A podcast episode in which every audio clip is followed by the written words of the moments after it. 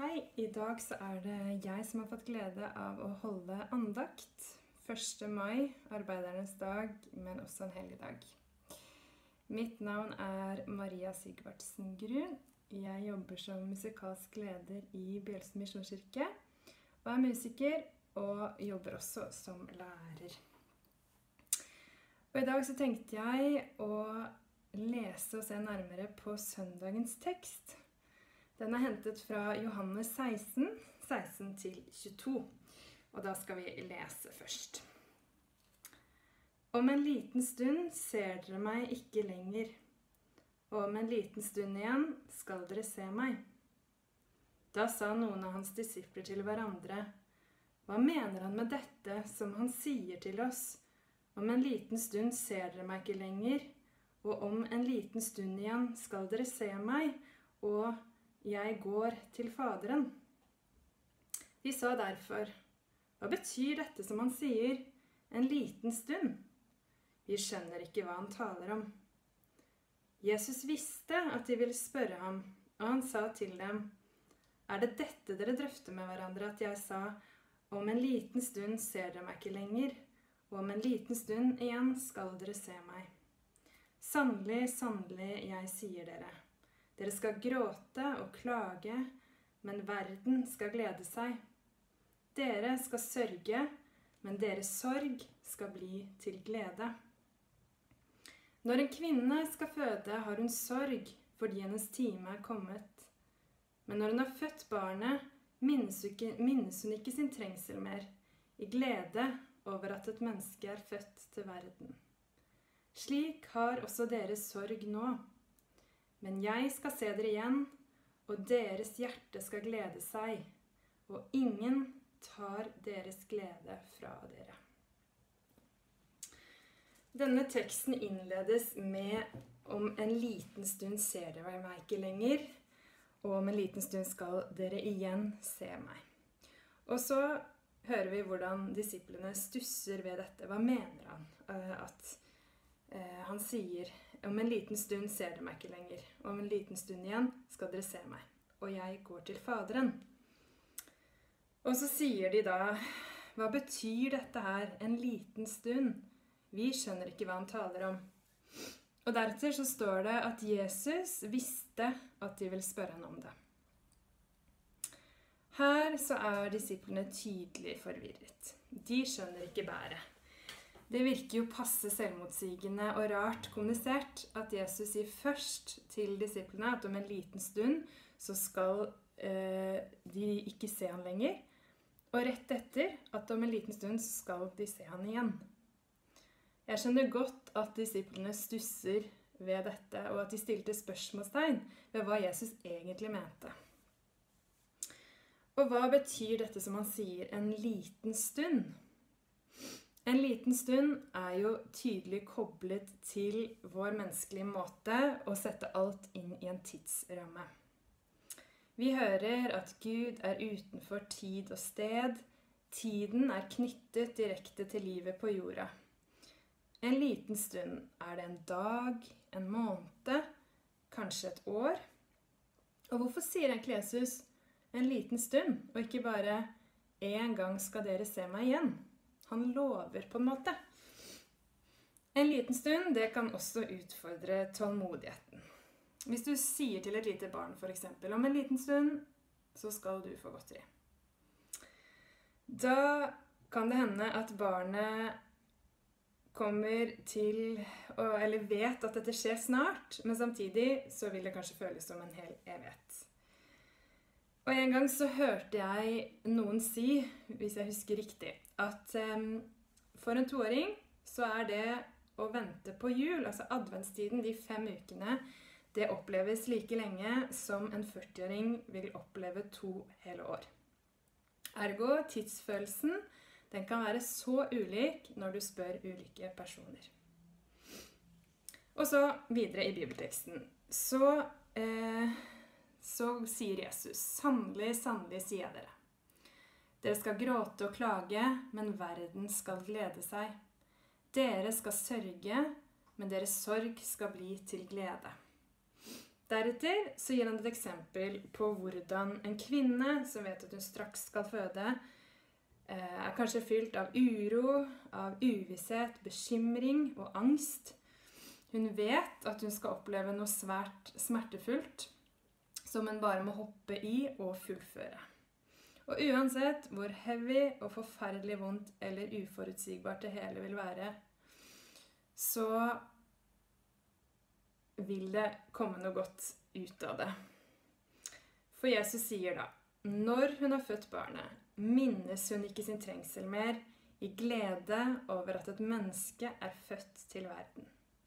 Og det syns jeg stemmer godt med et sitat som går verdensvidt rundt etter at noen er født.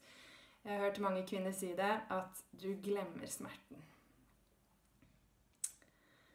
Og så videre i teksten så gir Jesus håp ved å si Slik har også dere sorg nå, men jeg skal se dere igjen, og deres hjerte skal glede seg, og ingen tar deres glede fra dere.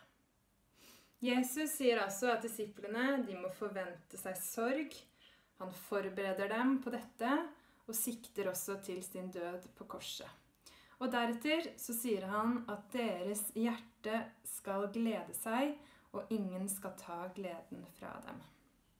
Sorgen skal til, som skal bli til glede, den gjenspeiler den spenningen som disiplene særlig erfarer før Jesus er oppstanden. Og som vi også erfarer.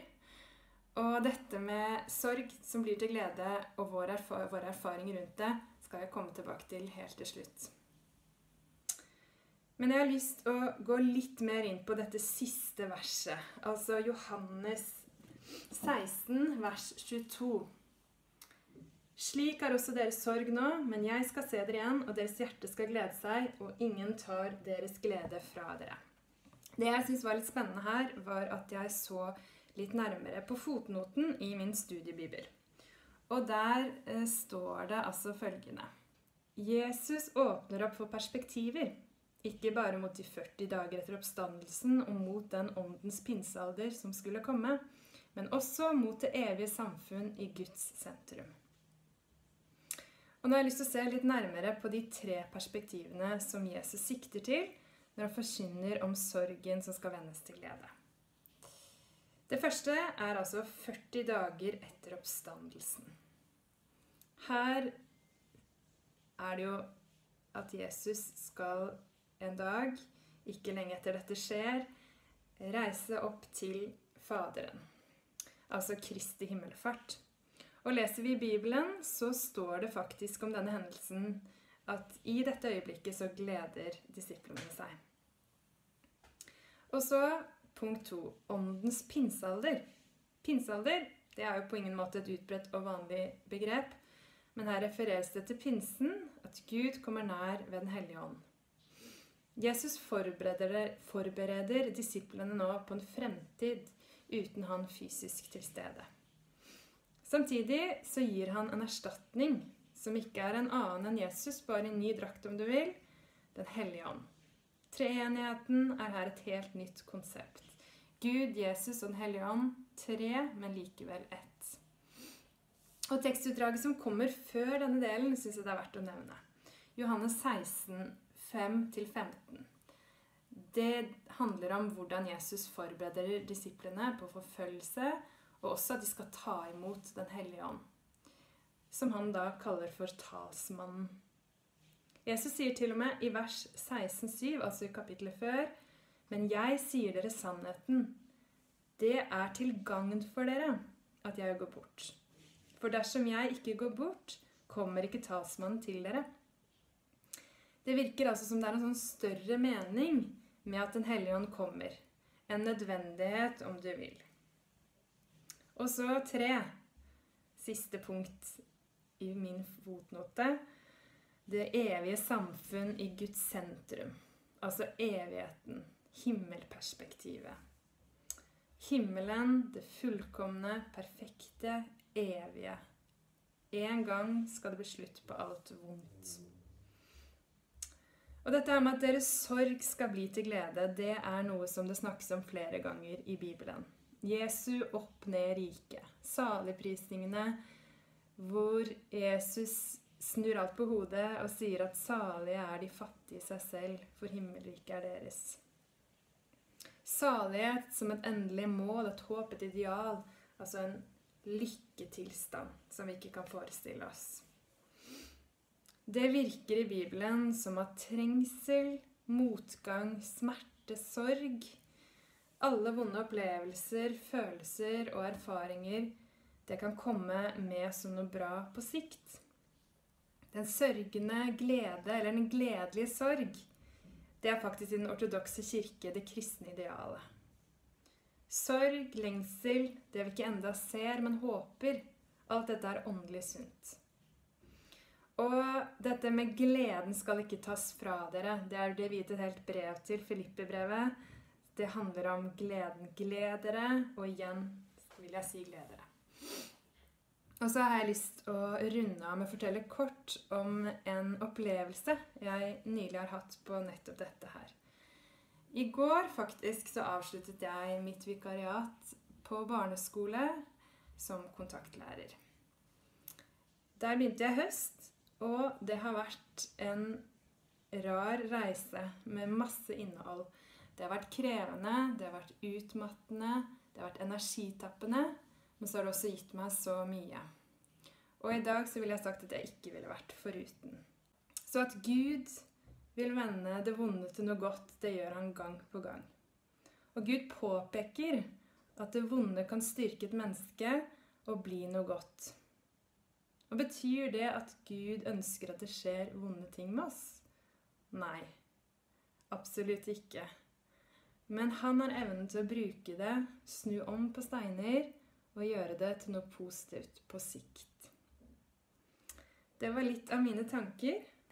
Jeg håper det kan være til berikelse for noen som lytter. Og så ønsker jeg deg fortsatt god fridag og 1. mai. Og fortsatt god helg.